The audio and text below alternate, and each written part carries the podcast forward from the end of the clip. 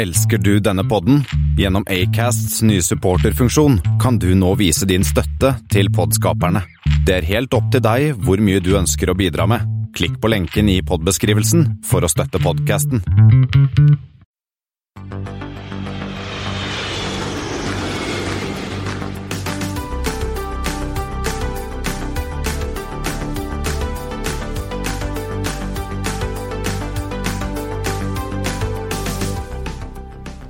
Hei og velkommen om bord på Flypoddens flight 109, som denne gangen tar oss bl.a. til Tyskland, Sør-Afrika, Colombia, Miami, Latvia og ikke minst Røros. Det har blitt eh, 11. mai, og som vanlig hører du meg, Espen Næss, og Kristian Kamhaug. Og mm, før vi skal på eh, jorden rundt, Kristian, har du noen eh, flighter til oss? Fins det en flight 109 som flyr?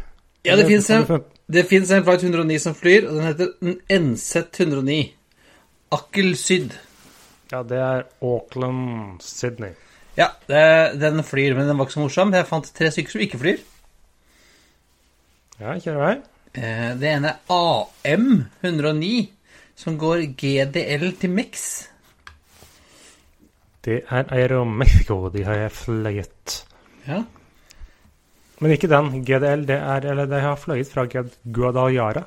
ja. Der fly, der ble havnet kofferten min uten at jeg havnet der engang. Men uh, vi møttes igjen. Og Mex er vel Juárez, tror jeg. Ja, Mexico. Det er vel midt i verste uh, narkotikahjørnet. Tror jeg. Nei, det Juárez er er Mexico City. Ja. MEX. Guadalajara, det er så bra i hvert fall. Ja, det går med en ja. Embraer 190 til vanlig. Og så har vi AS109, som går Sea Ank. Alaska fra Seattle til Anchorage. Ja, jeg tror jeg var borte på den ruta før. Den går med en 737-900. Og så har du GF109, som går BAH til DMM med en 7879. Det er Gulf Air fra Bahrain til Damman. Det være en ganske kort tur for en widebody. Ja, de er jo vant til å fly korte ruter de der med widebodies. Og bortsett fra at disse da ikke går om dagen, Espen, så hva har de til felles? De har eh, et eller annet fly som er i nummer 9-serien i sine respektive familier. Ja. 990 og 737-900 og 7879. Ja, riktig. Ja, du klarte det, Espen. Ikke dårlig, ikke dårlig. Eh, og så har vi jo, eh, dessverre som vanlig nesten, eh, noen ulykkesflighter også. Eh, vi har en, eh, en ulykkes... Vi har, Aeroflot har jo vært borti før. Eh, og vi kommer sikkert til å komme borti dem igjen. Men her har vi altså Aeroflot SU109 eh, 18. mai. Den er nesten, nesten jubileum for denne. 18. mai 1973 en TU-104 fra Moskva til Chita med en stopp i Sjelibans-. Jeg er ikke så god i russisk geografi, Espen. Er, men jeg tror det er østover. Ja, den, den skulle liksom skikkelig melkerute. Ja, den Det skulle skulle, gå Moskva, Tsjeljabinsk, Novosibirsk, Irkutsk og enda opp i Chita. ja, og da tror du det er nesten i Kina. Men han, det var en av de som var om bord, som hadde lyst til å dra helt til Kina. Så han, på det siste, siste da, fra Irkutsk til uh, Chita, så uh, var det en fyr som eh, Forsøkte å kapre flyet, Forsøkte å kapre flyet, det er det det heter. Eh, Og krevde å bli fløyet til Kina. Ja. Eh, og om bord i disse flyene så hadde de jo eh, en air marshal som da skøyt denne fyren, som allikevel da klarte å utløse bomben. Ja, så viser at han hadde bombe, det var ikke bare det at han sa det. Nei. Og alle om bord omkom, dessverre. Dette var altså en Tupolev da 104. 104. Og hvis du vil vite mer om den flytypen, kan vi bare anbefale å høre vår Flight 104, som vi spilte inn for en måneds tid siden. Yes, der snakket vi litt om den. Eh, og så har vi en litt nyere flight. 10.6.2008. Sudan Airways Flight 109, en A310. Som også hadde ikke ja, Den fløy eh, Amman Damaskus Khartoum. Eh, og når den landet, da, på, så hadde det regna ganske mye i Khartoum. Eh, og regn på en eh, flyplass som ikke har hatt regn på en stund, blir jo ganske glatt. Så denne A310 den, den gikk eh, Når den klarte, klarte ikke å stoppe, eh, gikk tom for ølbane, og så stoppa den et par hundre meter ute på jordet. Eh, og tårnet hadde gitt beskjed om at det var lett motvind, mens de egentlig hadde medvind. Så da fikk du ekstra god fart, og så virker det ikke disse, disse thrust reverserne hadde blitt deaktivert på den ene motoren. Så den kjørte av banen og mm, begynte å brenne på høyre side. Og når da evakueringen startet, så klarte de bare å få nødutgangene på venstre side til å, til å virke. Og totalt omkom da 29 av 203 passasjerer og 1 av 11 crew. Eh, og Det som var tragisk med den her, ekstra tragisk, er at mange av de som døde, var funksjonshemmede barn og eldre som kom tilbake fra sykehusopphold i Amman. Så her var det da mange egentlig småting som gikk galt, men ellers så skal jo et fly kunne evakueres ved å bruke halvparten av nødutgangene. Det er jo en del av sertifiseringen. Ja, så her var det som ofte skjer med tragiske ulykker, at det var som en, en serie uheldige hendelser som gjorde at det ble såpass ille som eh, det var. Men, men, før vi skal opp på aktuelt, så har jo vi blitt aktuelle òg, da, Christian? Ja, vi, eh, Flypodden eh, og Espen Næss og Christian Kammer, og til og med Thomas Lone, har jo vært i, i, lokal, i bransjepressen. Ja, et, det er et magasin som heter Moderne Tider Logistikk, eller bare mtlogistikk.no. Der dukket vi opp, jammen. Der ble det en sak om at vi eh, var og besøkte eh, Gardermoen i, eh, i forrige flight, når vi var oppe og kikka på fraktere. Og der er det enda litt mer noen bilder av oss, og bilder av fly, og bilder av Thomas, og så litt, litt av hvert om flyfrakt. Og vi har selvfølgelig lagt med link til den saken i eh, notatene. Men skal vi hoppe til det aktuelle? går det mot vår? Eller vår i flybransjen. Det er jo definitivt vår ute, selv om det snødde delvis i går, men ja. Ja, og jeg fant eh, for tre år siden, på den dagen, så gikk jeg på ski i Asker. Ja. Ja, uh, ja det er våres uh, det, det, begynner jo nå, ser vi, at nå Vi hadde jo sending forrige uke, og da var det jo også uh, feiret man frigjøringsdagen. Og det var nesten som en slags frigjøring nå i helgen, kjenner jeg. Det er jo ting som lukker opp, og skolen, er, skolen åpner for, de små, for de, mine barn denne uka her. Og ja, det, det, det kjennes ut som vi kanskje begynner å nærme oss en slags, om ikke slutten, så begynnelsen på slutten av denne koronapandemien, krisa, lockdown, Espen. Ja, det blir jo spennende å se. For man ser jo nå at i hvert fall flyselskapene våger å annonsere en viss si, økning fra lavnivået. Ja, eh, Lufthansa har gått ut og sagt at de skal øke den aktive flåten fra 80 til 160 fly nå i juni, og planlegger å øke tilbudet. Eh, Swiss, ja, og, og disse er da ja. Lufthansa-gruppen, det er jo ikke bare ja. selskapet. Nei, nei. Og da, de, de, sa jo ikke helt hva som skulle startes, men av dette Swiss som liksom hintet, de skulle liksom da fly en 15-20% av et kall det si normalprogram i juni. Ja, og vi snakket litt om KLM eh, for litt siden, som også har gått eh, åpna litt flere ruter. Og jeg syns jeg så Ryanair på Oslo her eh, for en dag siden.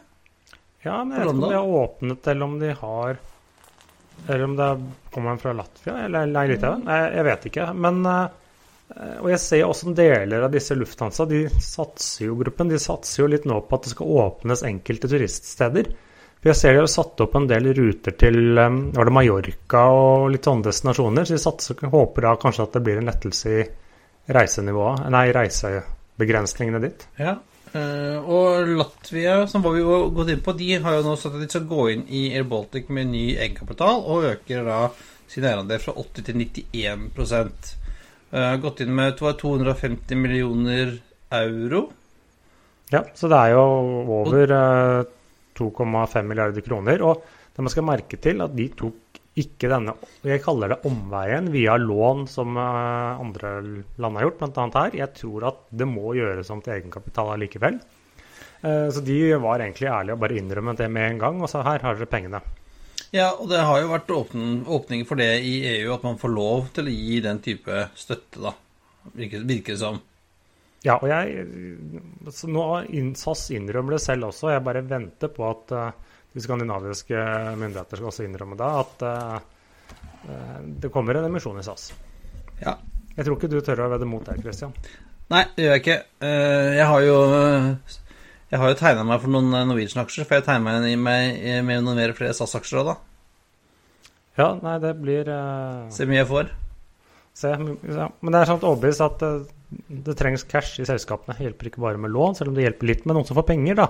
Det kommer jo i, er det i dag. Uh, så kommer det man kall det en sånn, hva skal jeg si, viljelekkasje fra revidert statsbudsjett som skal legges opp fram i morgen. Og der innrømmer man at ops, Norwegian, nei ikke Norwegian, sier Avinor. Vi har egentlig ikke fjernet utgiftene deres, vi har fjernet alle inntektene. Ja, en det er tatt. Så de trenger 5 milliarder kroner ekstra.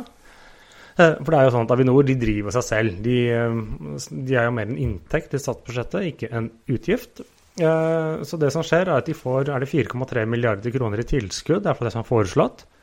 I tillegg til det så dropper da staten det planlagte utbyttet på sånn ca. 350 millioner kroner. Det, liksom det sier seg selv. Og så Utenpå det igjen så slipper de å betale 444 millioner kroner i et avdrag på et lån som de har hos staten. Ja, så da blir det godt over ja, rett over 500, da. Afrikani hetene.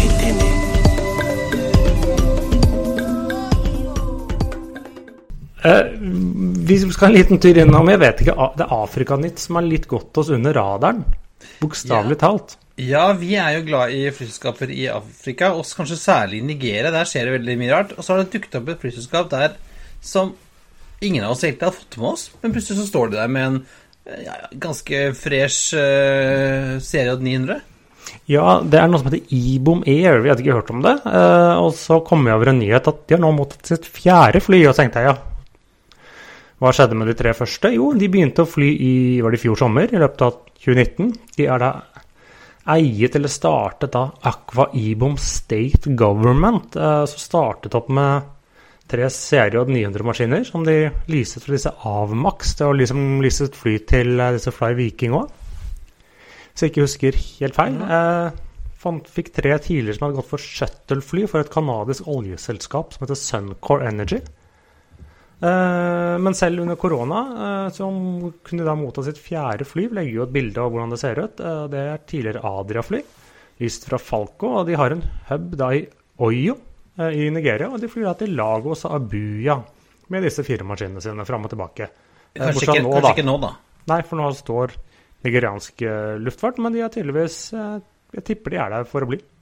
Ja, og de fikk jo visstnok Jeg så på nettsidene så de takket veldig til eh, luftfartsministeren for at han hadde vært med å passe på at de klarte å få dette flyet ferjet fra Canada, da. Dette ja, nye. de er tydeligvis eh, venner på de riktige plassene, som eh, man gjerne har en fordel av i Nigeria. Ja, det er greit. Vi får holde øye på Ibom Air. Kanskje de kan utnytte en del åpninger når vi er åpner på andre sida, da. Det blir spennende å se. Uansett, vi skal videre i sendingen, Espen, til konkurshjørnet. Der, er det, der er det storinnrykk denne uken. Her uh, Vi får begynne med de, største, og vi begynner på toppen. Avianca. Avianca. Vi har allerede vært innom Avianca Argentina og Avianca Brasil har gått konk og borte. Og nå er det altså nå er det, nå er det mor. Nå er det hele si, Avianca. Avianca er jo De feiret jo nettopp 100-årsjubileum som verdens nest eldste selskap etter eh, KLM. Eh, og så skulle de betale litt på et lån i, I går. I går. Ja. Og så viste det seg at de hadde ikke dekning på konto. Det er kjedelig når det skjer. Da erklærte de seg eh, konkurs. Og dette er jo andre konkursen deres eh, ja, på, I hvert fall i dette årtusen. Jeg tror ikke de egentlig har gått konkurs før det, men eh, de gikk også da inn i en chapter 11 nå. Eh, og det samme gjorde de i 2003. Merk at disse erklærte konkurs i USA, så selskapet er faktisk registrert i USA. Ja, fordi de har gått til en, en, eh, en dommer i New York, i hvert fall. Ja, for det selskapet det samme forrige, forrige konkurs også, så det er et eller annet at selskapet er registrert i USA, slik jeg forstår det. Og så er det flyselskapet eller flyselskapene som har nå erklært konkurs. Eh, ikke bonusprogrammet deres. Eh, men det er da Dagens Avianca, det er jo da Avianca, gamle Avianca fra Colombia, som slo seg sammen med Taka Ja. som egentlig er fra El Salvador. Og så har de liksom der fins jo Avianca Ecuador, Avianca Peru. Har de noe Costa Rica Eller ja, i den delen av verden. ja de, er, de flyr rundt der, i hvert fall. Ja. Eh, så det de skal gjøre, er jo eller Det som er litt uh, interessant, at en av de største kreditorene deres, og som var med på en sånn nylig refinansiering de gjorde, for de har jo slitt lite grann, det er United. Ja, og de har vel noe sånt som 700 millioner dollar utstående. Ja. Så de Eh. kan, kan kysse bye-bye, tror jeg. ja det kommer litt an på uh, hvordan det blir, for det er ikke sånn at all gjeld strykes. Nei, og så er er det jo noen som har sagt at nå er det slutt og stengt om, men det er jo ikke det. Det er jo de, I og med at de nå er registrert i USA, så har de jo denne eh, beskyttelsen under chapter 11, slik at de kan jo drift, De kan drifte videre, så snart, bortsett fra, bortsett fra ja, så Peru, snart da. eh, markedene opp, Ja, for det var liksom sa at eh, de var allerede liksom dagen etter det hadde slått seg konkurs, så liksom sa de at uh, her er ting vi ønsker å gjøre eller planlegger å gjøre. Det ene var å liksom uh, nedlegge driften sin i Peru. Der hadde de fem fly. Uh, 319, to 320, en 321 og en 330-maskin. Og så sa de også liksom at ja, nå har vi telt over antall fly vi har, og hvor mange vi trenger. Og de sier at ja, det er, det er 15 eller 14 fly vi da ikke trenger. Så de har jo tydeligvis planlagt dette. Dette Ja, men kom ikke ja. helt som en overraskelse, for de hadde planen klar eh, et par timer etter konkursen. Så de liksom sa at ja, ok, vi, vi ønsker å kvitte oss med 1 7878, 2 330 300, var det 7 A320 og noen to 319 og to 321-maskiner. De har liksom De tjuvstarta litt, tror jeg.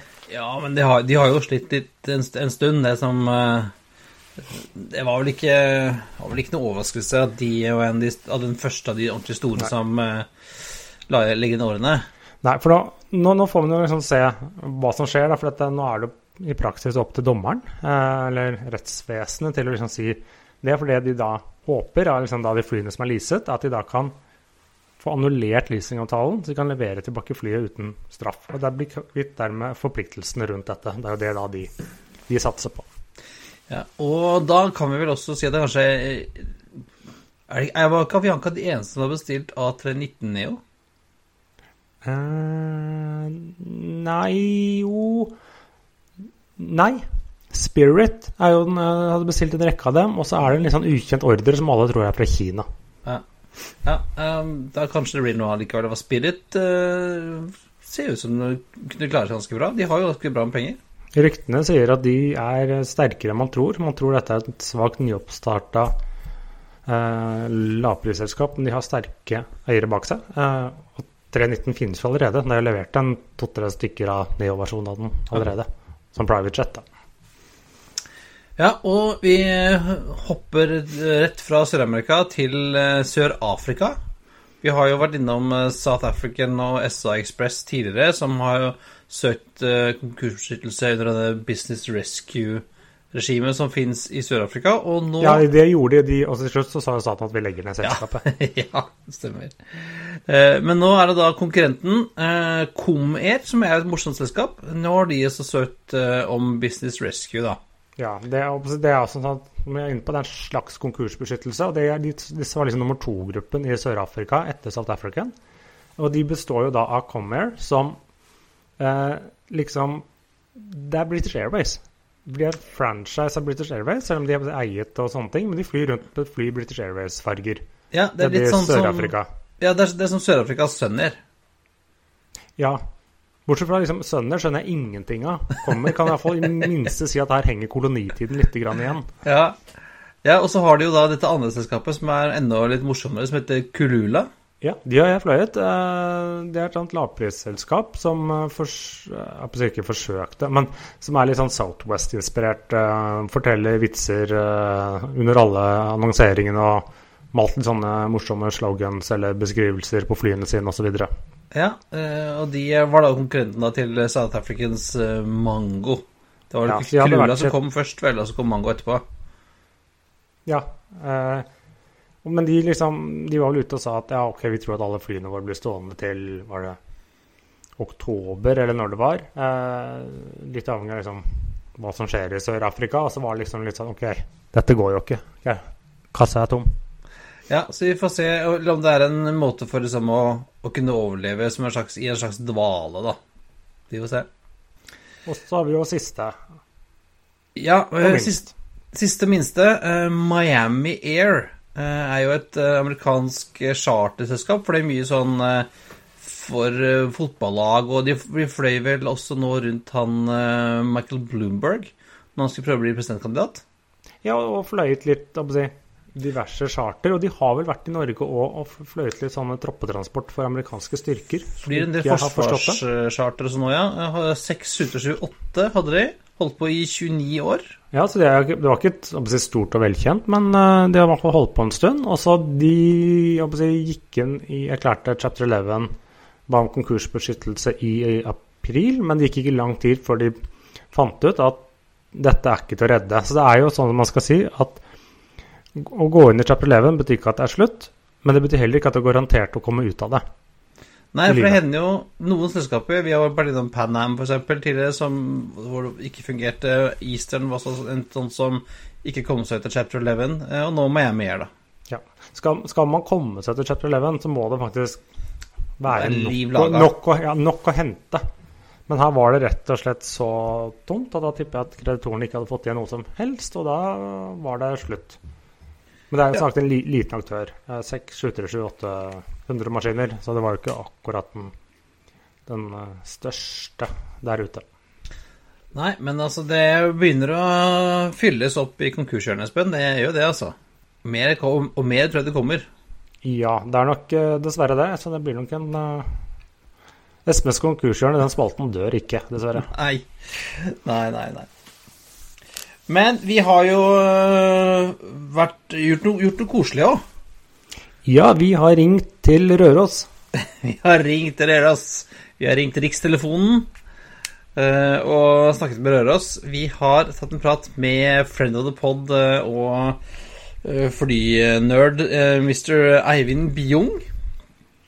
Som er vel salg- og markedsdirektør på Røros-hotellene. Det er jo Ja. tre hoteller og noen restauranter der oppe. Det, dek, ja, det dekker vel ganske mye, tror jeg, av Røros. Og så var det også med Gudbrand Rognes, som er sjefen for flyplasssjef på Røros. Han er flyplasssjef og, og tårnsjef. Ja, han er sjefen der. Ja, han driver flyplassen på Røros, kan man si. Eh, og vi tok en prat med, med Eivind og um, Gudbrand. Um, egentlig først uh, kom det i gang fordi at Eivind har vært ute og fløyet.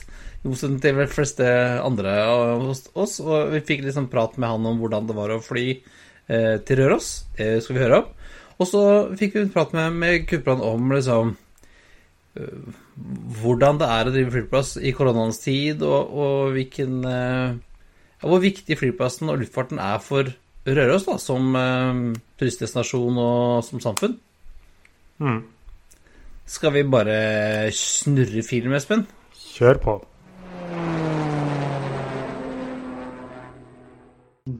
Da har eh, Flypodden fått eh, besøk digitalt av eh, Gudbrand Rognes, som er flyplassjef på Røros. Hei. Hei, hei. God dag, god dag. Og Eivind Biung, Bjung, som er er salgs- og markedssjef på Røros hotell. Ja, tre hoteller og fem restauranter. Ja, så det ut- utelivet på Røros, det er deg. Det er for tiden meg, ja.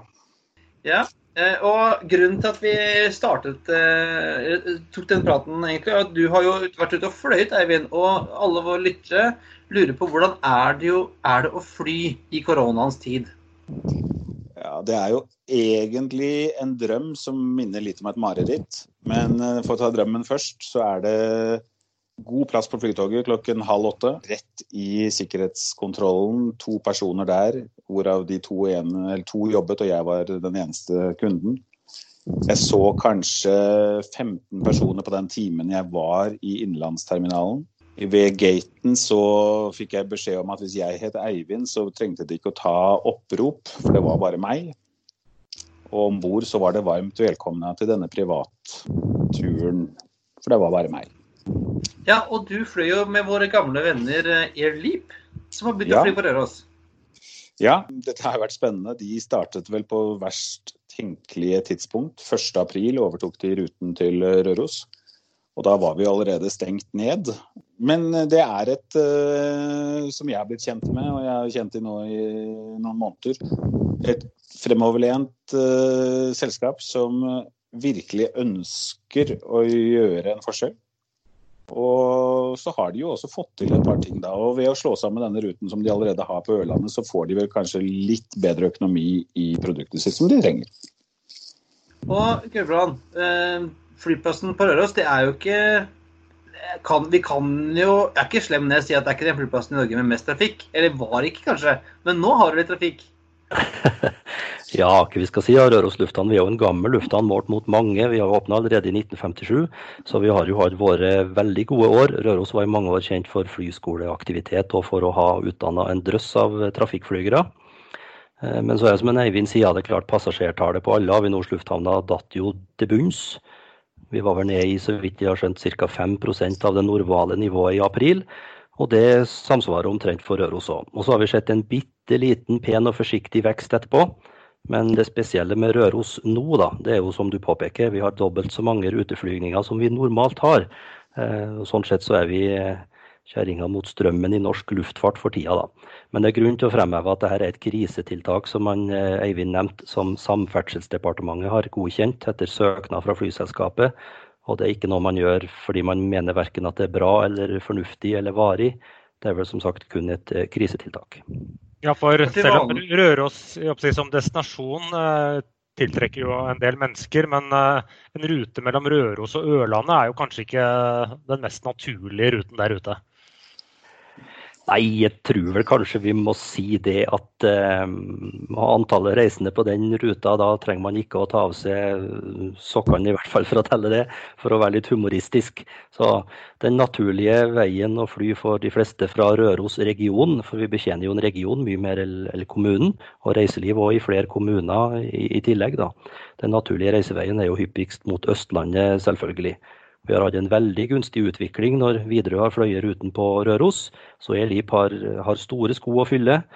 Og i år da særlig når vi ender opp med denne um, løsningen der folk kanskje vil feriere mer innenlands, så er det en høydare for uh, Eivind og Røros hotellgruppen.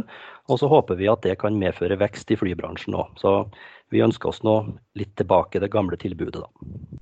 For til vanlig Gudbrand, så hadde du én daglig avgang med videre, eller Før 1. april så var det én daglig avgang til Oslo med Widerøe, var det sånn? Ja, Det som er minimumskravet i denne FOT-ruten, forpliktelse til offentlig tjenesteyting, det er en anbudsrute som Samferdselsdepartementet kjøper inn og betaler for. Så er det to daglige avganger hver vei, blir det i praksis da fra 1.4. Og minimum 20 000 seter tilbudt på årsbasis. Eh, og nå er vi på det dobbelte, da. Ja. Vi er nesten på Gatwick-nivå. Jeg hørte en annen lufthavn i Norge sammenligna seg med Gatwick her om dagen og sa at nå har vi lille vår lufthavn har dobbelt så mange flygninger som Gatwick, eh, og Røros er nesten på Gatwick-nivå. Mm. Det kan jeg med hånda på hjertet si aldri har skjedd tidligere i historien. Nei, du, du, var inne på det, Gebra. Men Eivind, du eh, har jo tre hoteller og fem restauranter. Og mm. Røros er jo en, eh, en turistdestinasjon for mange utlendinger. De kommer ikke til å komme i år. Nei, eh, det utenlandske markedet falt vel bort i løpet av eh, et par-tre dager i mars. Eh, dramatisk. Men Røros i seg selv har flest norske besøkende. Både kurskonferanse og turister. Så jeg tror nok at vi skal få fylt opp bortfallet av internasjonale gjester. En sånn liten anekdote er vel at jeg tenkte på på vei hit at uh, Røros er den flyplassen jeg vil ha fløyet til med flest flyselskaper etter Fornebu og Gardermoen. Air Leap er nå det femte flyselskapet jeg flyr hit til. Etter uh, Bråtens og Coaster og Dot og Widerøe, og nå da Air Leap. Så vi er jo ganske aktive, Gudbrand. Ja da, vi har hatt litt forskjellig. Og hvis du tar med Det var som sagt i de åra jeg kjenner til, altså er det Bråtens, DAT, Danish Air Transport, som du sier. Så fløy Widerøe, Coaster, og så var DOT inne, som var et datterselskap av DAT. Og nå har vi Air Leap, da. Eh, det er jo et svensk flyselskap, men riktignok med norsk eier. Så det har vært litt eh, forskjellig sånn sett. Og den kontinuiteten som vi har hatt i flytilbudet på Røros frem til 1.4, den har brakt veldig gode resultater. Så det er store sko å fylle for arvtakeren. Og vi ønsker veldig gjerne at flyplassen nå da, og luftfarten skal være en viktig aktør i gjenåpninga av Norge. Sånn at næringsliv og reiseliv og, og samfunnet kan fortsette å fungere som normalt igjen. Du var inne på det, Eivind, at dere har jo eh, mye kurs, konferanser og møtevirksomhet og sånn. Nå er det vel maks 50 pers eh, på hvert arrangement, men, men, eh, det er vel mulighet for at det blir en økning på det etter hvert? Ja, Vi er veldig spent på regjeringens pressekonferanse i kveld, hvor det kanskje går opp til 200. Men to av mine tre hoteller har 24-38 rom, så det er liksom midt i blinken for dagens uh, maksgrense. Men jeg har også et hotell med 160 rom, og der er det klart at jeg skulle ønske meg den nye grensen. Ja, og så er det vel også mulighet da for uh, ting som tidligere man gjorde hjemme, hjemme. Konfirmasjoner, bryllup, seksårsdager. Som vel uh, de foreslår at, at skal skje i mer sånn ordna former. Ja da, vi er både en profesjonell arrangør, som jo er et krav nå. Eh, og så har vi mye plass. Eh, så det er klart at våre største møterom og festsaler kan etter nye regler gjøres om til å betjene mindre grupper med god avstand mellom gjestene. Og det er jo litt sånn som hele samfunnet her oppe er. Det er jo god plass. Eh, det er ikke flest mennesker, og vi har en fantastisk natur. Femundsmarka f.eks. Hvor det er altså fritt frem for alle koronaengstelige mennesker å komme. Og med bare 33 plasser på flyet, så er det jo ikke de store innrykkene uansett. Hvis du skal ta en fly, i hvert fall. Det er jo da 66 om dagen, da, for det er jo to avganger. Eh, men eh, nei da. Men flyet passer utmerket til mye av det vi henter inn fra Østlandet. Eh, styre- og ledermøter. Og så kommer veldig mange andre med tog, bil og buss. Ja, men vi vil helst ha dem med fly. Ja, vi vil helst ta det med fly, det er best. Og nå er det jo som kjent noen smitteverntiltak i, i luftfarten da, som gjør at man eh, ikke kan selge like mange seter som normalt. Og for denne Saab 340 som er snakker om, så tror jeg at det betyr 22 seter som man kan eh, selge da, i henhold til den veilederen. Så det er jo betydelig redusert kapasitet. Og, og nå er det jo to lufthavner som deler på det i tillegg. Så for reiselivets del så håper jeg at det her normalisere seg så fort som mulig. Da. Men det er en følelse av litt sånn businessklasse da, når du sitter med setet ved siden av deg fritt. Så jeg ja, liker det litt òg, da. ja, det var ikke så mange, det var ikke så mange eh, på den kjerra når vi fløy den til eh, Stockholm heller, Espen. Nei, vi var seks stykker hvor eh, to hadde booka den ved et uhell, så Eh, men Airleap har jo også nå fått seg ATR-maskiner som de flyr til Gotland med. Har det vært snakk om å sende, den til Røros, eller er det Saab som gjelder? Ja, jeg har noe Jeg treffer i og for seg ledelsen i Airleap fra tid til annen. Og fremtiden ligger vel i denne ATR-en. Eh, om den kommer det første året eller andre året, det skal vi ikke si. Men det er der de satser. Og den kommer nok til Norge også. Og når man ser litt på utviklingen i Sverige, jeg har fulgt med litt på Bra, som er hva vi skal si da, Bråtens-familien sitt flyselskap i Sverige, som nå riktignok ligger ned for telling. De har jo veldig tro på den ATR 72-maskina sånn miljømessig og drivstofforbruksmessig. da, så den har jo betydelig flere seter, og hvis vi får tilbake noe slikt på Rørosruta, så er det jo stort potensial for reiselivet og kurs og konferanser, dersom man nå ser en dreining vekk fra det internasjonale marked og, og mer tilbake til det nasjonale. Ja, eh, og så har det vært snakk om noe elektrisk flyvning også på Røros, syns jeg dere har hørt rykter om? Ja, ja, men vi er foroverlent, vet du. Eh, luftfarten er opptatt av å bli mer bærekraftig og fremtidsretta. Eh, staten som eier Avinor, da, som jeg jobber for. Avinor eier jo da flyplassen, sjølsagt. Vi er veldig opptatt av at norsk luftfart skal bli mer bærekraftig og miljøvennlig. Så vi har liksom tatt litt hansken når det gjelder det på Røros, da, på en skikkelig måte. Vi er med som partner i et stort prosjekt som heter Green Flyway.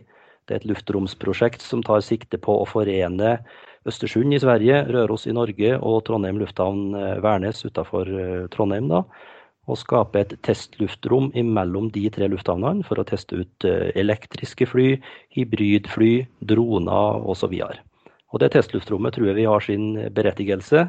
Det ligger jo selvsagt litt på hvil nå i forbindelse med koronaen, men når vi kommer ut av den, så vil det fortsatt være et stort behov for å reise, for å reise og da ønsker vi å bidra til at folk kan reise mer bærekraftig. Det liker vi, Espen. Absolutt. Vi liker, vi liker elfly, det gjør vi. Ja, Selv om Eivind Eivind er ikke så glad i elbiler, da, men uh... Jeg er nok av de som fortsatt sverger til diesel, men det er litt også med kuldegradene. Så Gudbrand, hva mener du om elfly og kuldegradene vi har her, og batteri? Jeg syns faktisk det er litt kult. da Dere har kanskje fått med dere fra media, men den 18. februar så hadde vi en, hva vi skal si, en verdenspremiere, eller en verdensrekord. Da var den første grensekryssende elflyging under vinterforhold avholdt. Fra Sveg i Herjedalen og til Røros i Norge. Vi hadde til og med næringsministeren som var innom og, og bivåna og uttalte seg rosende om initiativet. Så den varianten funka i hvert fall da. Og hvis man ser på starten med elbiler og med Buddy og noen av de her litt artige farkostene, og ser på dagens Tesla, Ford Mustang osv. I dag så ser det ut som at folk kjøper seg en elbil faktisk fordi de har lyst på den. Eh, snart vil det bli sånn i flybransjen òg. Og Avinor har vel gått foran etter det jeg har skjønt, og lover gratis startavgifter og lading for dem som bruker det her til general aviation, eller for moro skyld. Altså. Jeg tror det her blir litt uh, spennende. Bare vent, Eivind. Snart kommer det altfor mye med elmotor. Ja, men nå, ja. Jeg skal tenke. Mm. Men hvordan eh, tenker du på sommersesongen, eh, Eivind, for eh, turistnæringens del? Vi ser egentlig mange muligheter for kommende sommer. Det kommer jo selvfølgelig an på det som skjer i ettermiddag. Vi er klare til å åpne opp eh, stedene våre.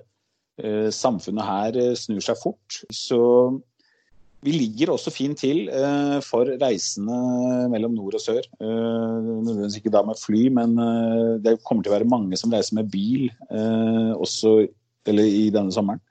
Så jeg tror at vi vil få en bra sommer på Røros. Og så får vi da i tillegg kanskje litt ekstra hjelp med møtevirksomhet og Airleap. Ja, og Airleap har hatt, eh, selv de har hatt en vanskelig, en utfordrende start, så har det ikke gått så gærent for dem heller, har det det? Nei, Det kan vel du si litt om, uh, Gudbrand. De, vel, de er jo nedom her hver dag? Ja da, de flyr jo rutene sine. De, enkelte ganger så hopper de over. da, Hvis det ikke finnes flyfrakt eller passasjerer, så flyr de bare direkte til Gardermoen eller direkte til Ørland når de er i lufta. Og Det er jo en fornuftig beslutning sånn miljømessig sett. da. Men det er nå som sagt en viss stigning i passasjertallet, selv om vi ikke kan rapportere om det helt store. Eh, og Det som faktisk har økt en god del, ser jeg, det er flyfrakt.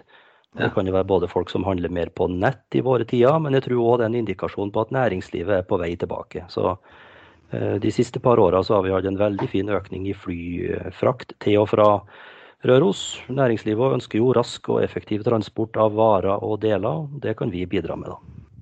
Ja, vi var jo på Gardermoen på lørdag og så tonnevis med frakt. Det var mye fisk, men eh, sikkert et og annet også, Espen? Ja, det tror jeg. Men øh, vi pleier jo alltid å spørre om en sånn ukens anbefaling. Og, jeg, og den er vel opp til deg, den, Eivind. Hva, hva, er ukens anbefaling? Jeg skulle gjerne ønske dere alle velkommen til uh, Røros og regionen rundt her. Uh, og vi kan sikkert legge ut et eget flypod-tilbud uh, via sidene deres, Christian, så skal jeg gi en god rabatt på det også. Men da må du åpne først. Ja, men det gjør jeg i løpet av ganske kort tid. Og jeg har åpnet både ett hotell og en av restaurantene, så vi er i gang. Ja, godt. Men flyplassen er åpen, og vi har jo tilbud. Vi selger drivstoff til dem som eh, trenger det. I tillegg til å være lufthavnsjef for Avinor, så jobber jeg som sjefflygeleder for Avinor flysikring i tårnet. Så mitt Røros-tips det må være noe som ligger mitt flygelederhjerte nært. Ta med småflyet ditt, en venn, familien eller en eh, kamerat. Kom til Røros på Vikentur eller ta en liten ferietur. Så kan dere campere og gå og, og ete godt hos en Eivind og co. Røros lufthavn ligger så å si på, på trappa til Røros sentrum. Fin gangavstand. Det tror jeg må bli det beste tipset mitt. Ja, for vi har faktisk... Taxi inn til hotellet, eller? Ja, men vi har gåavstand til flyplassen, og på vinteren så har vi sparkavstand, og det er egen sparkering. Så jeg har egentlig litt lyst til å invitere disse gutta til Røros. Eh, når du ja. får i gang elflyene igjen, så kan vi gjøre en liten greie ut av dette på poden. Da har vi definitivt neste episode der, folkens. Det blir elfly og Røros. Og så kan vi vise frem sparkeringa. Norges eneste parkering for spark på flyplass. Ja, vi gleder oss. Tusen takk. Takk skal dere ha.